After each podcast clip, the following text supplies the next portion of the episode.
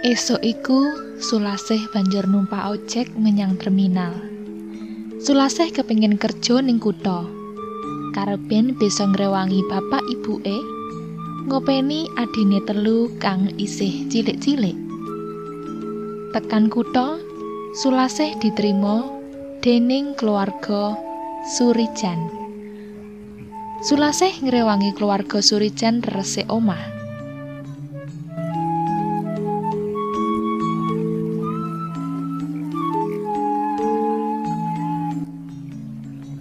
Wus telung sasi, Sulase ngabdi dening keluarga Surijan. Sulase seneng mangerti kabar yen adi-adine bisa sekolah kaya liyane.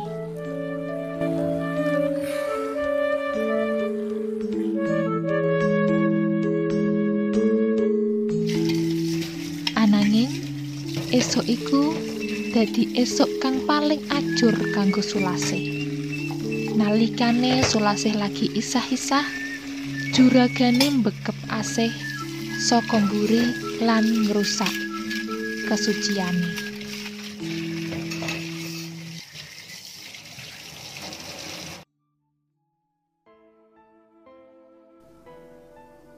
Sulasih ambiar saknalika iku. Dheweke ora ngerti kudu piye sak banjur iku dheweke kelingan wong tuwa lan adi-adine ning omah. Sulasih wis ora suci. Sulasih wedi nguciwani wong-wong sing dheweke tresnani. Banjur Sulasih ngandut anake juragan.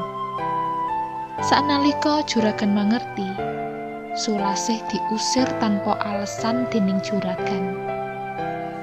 Sulasih bali marang omah. Wong tuwa loro nrimo kahanane Sulasih.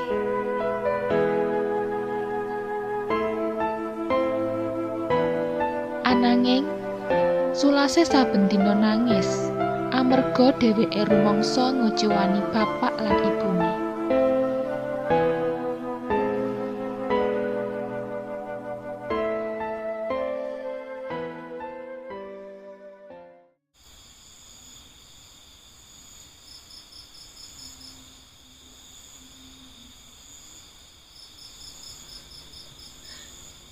Ampun.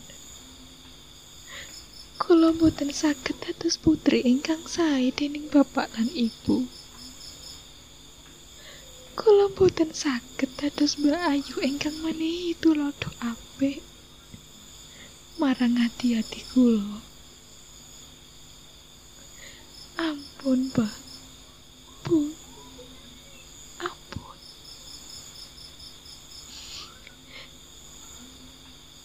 Lan kula boten saged.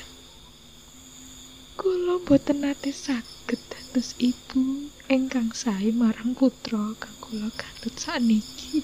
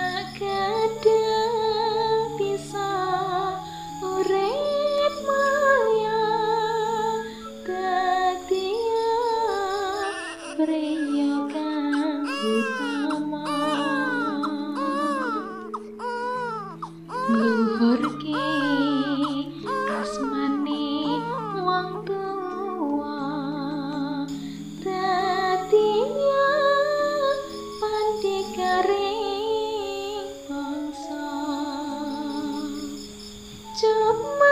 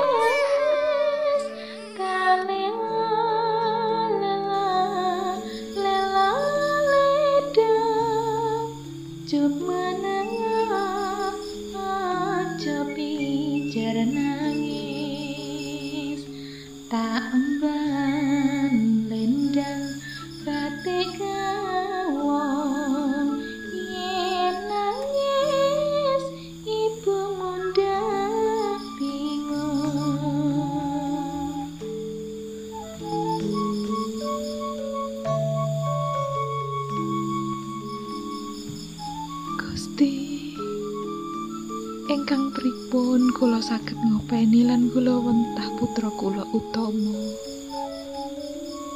Kula sanes ibu kang sae Gusti. Nanging amung utama satunggaling bondo ingkang kula duweni lan kula tresnani Gusti.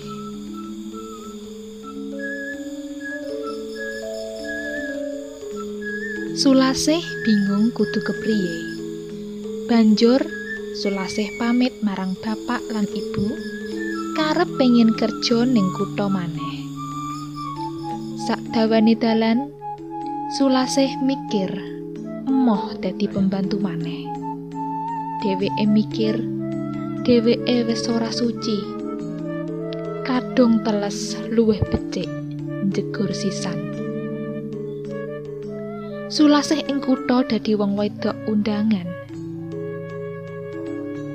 Aben sasi, dheweke bisa ngirim duit susu kanggo anake lan kabutuhan sakliyane kanggo wong tua lan adi-adine.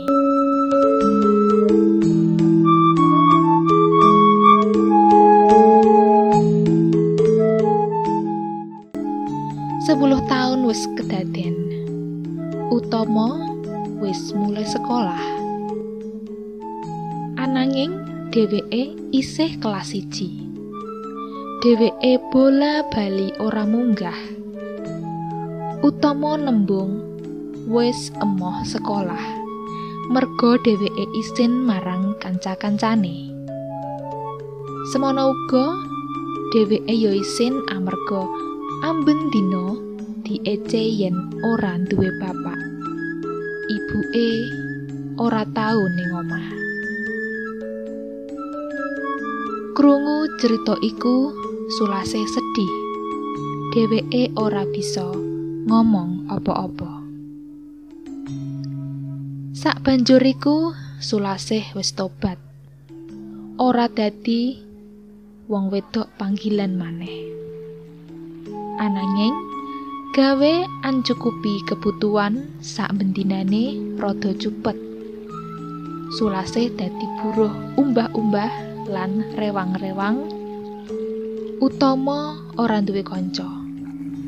Dheweke seneng dolanan dhewe lan seneng gawe dolanan saka kayu utawa pring dhewe.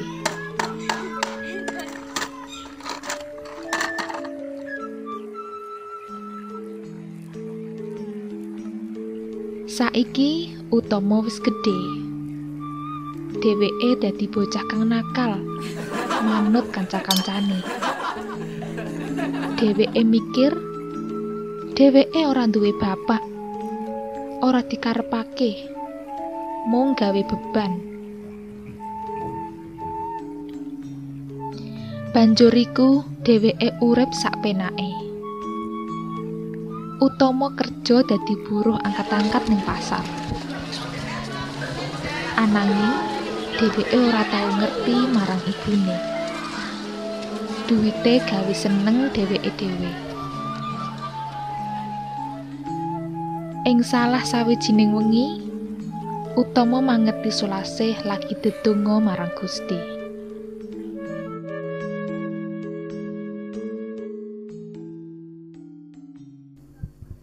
Gusti kula nyuwun dhateng panjenengan.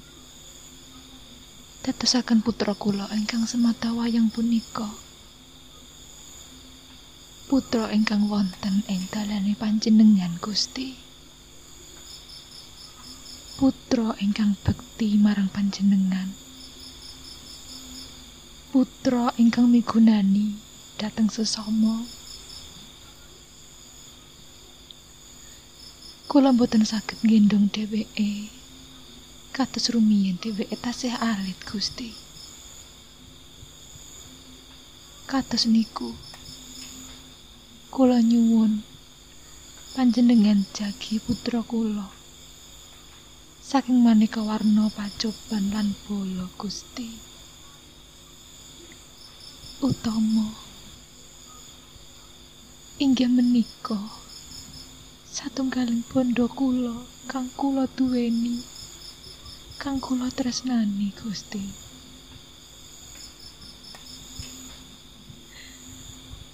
Matur sembah nuwun atur kula dumateng panjenengan Gusti.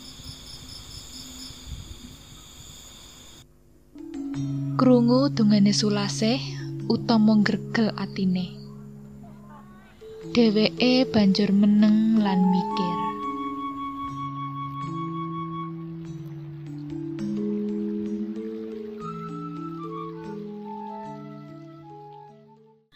Aduh Rama Ibu ngapuranen aku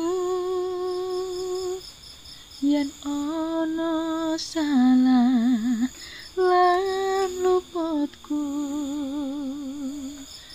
tak rumangsani aku duweni dosa nganti saiki isih krasa ning dada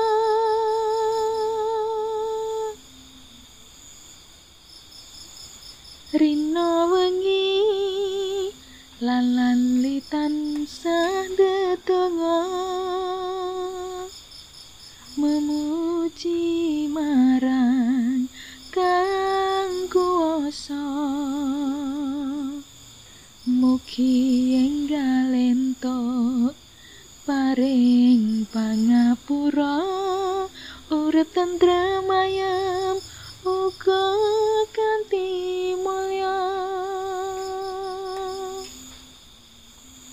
Ngendi ana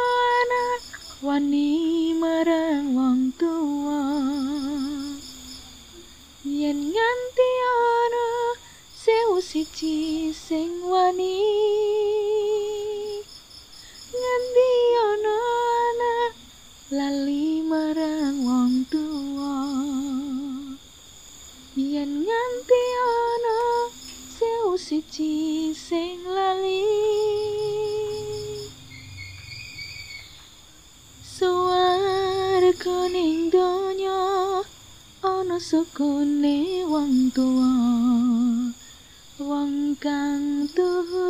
tuhu suci gedhe ganjarane Suwarga ning donya ana sukune wong tua wong kang tuhu suci gedhe ganjarane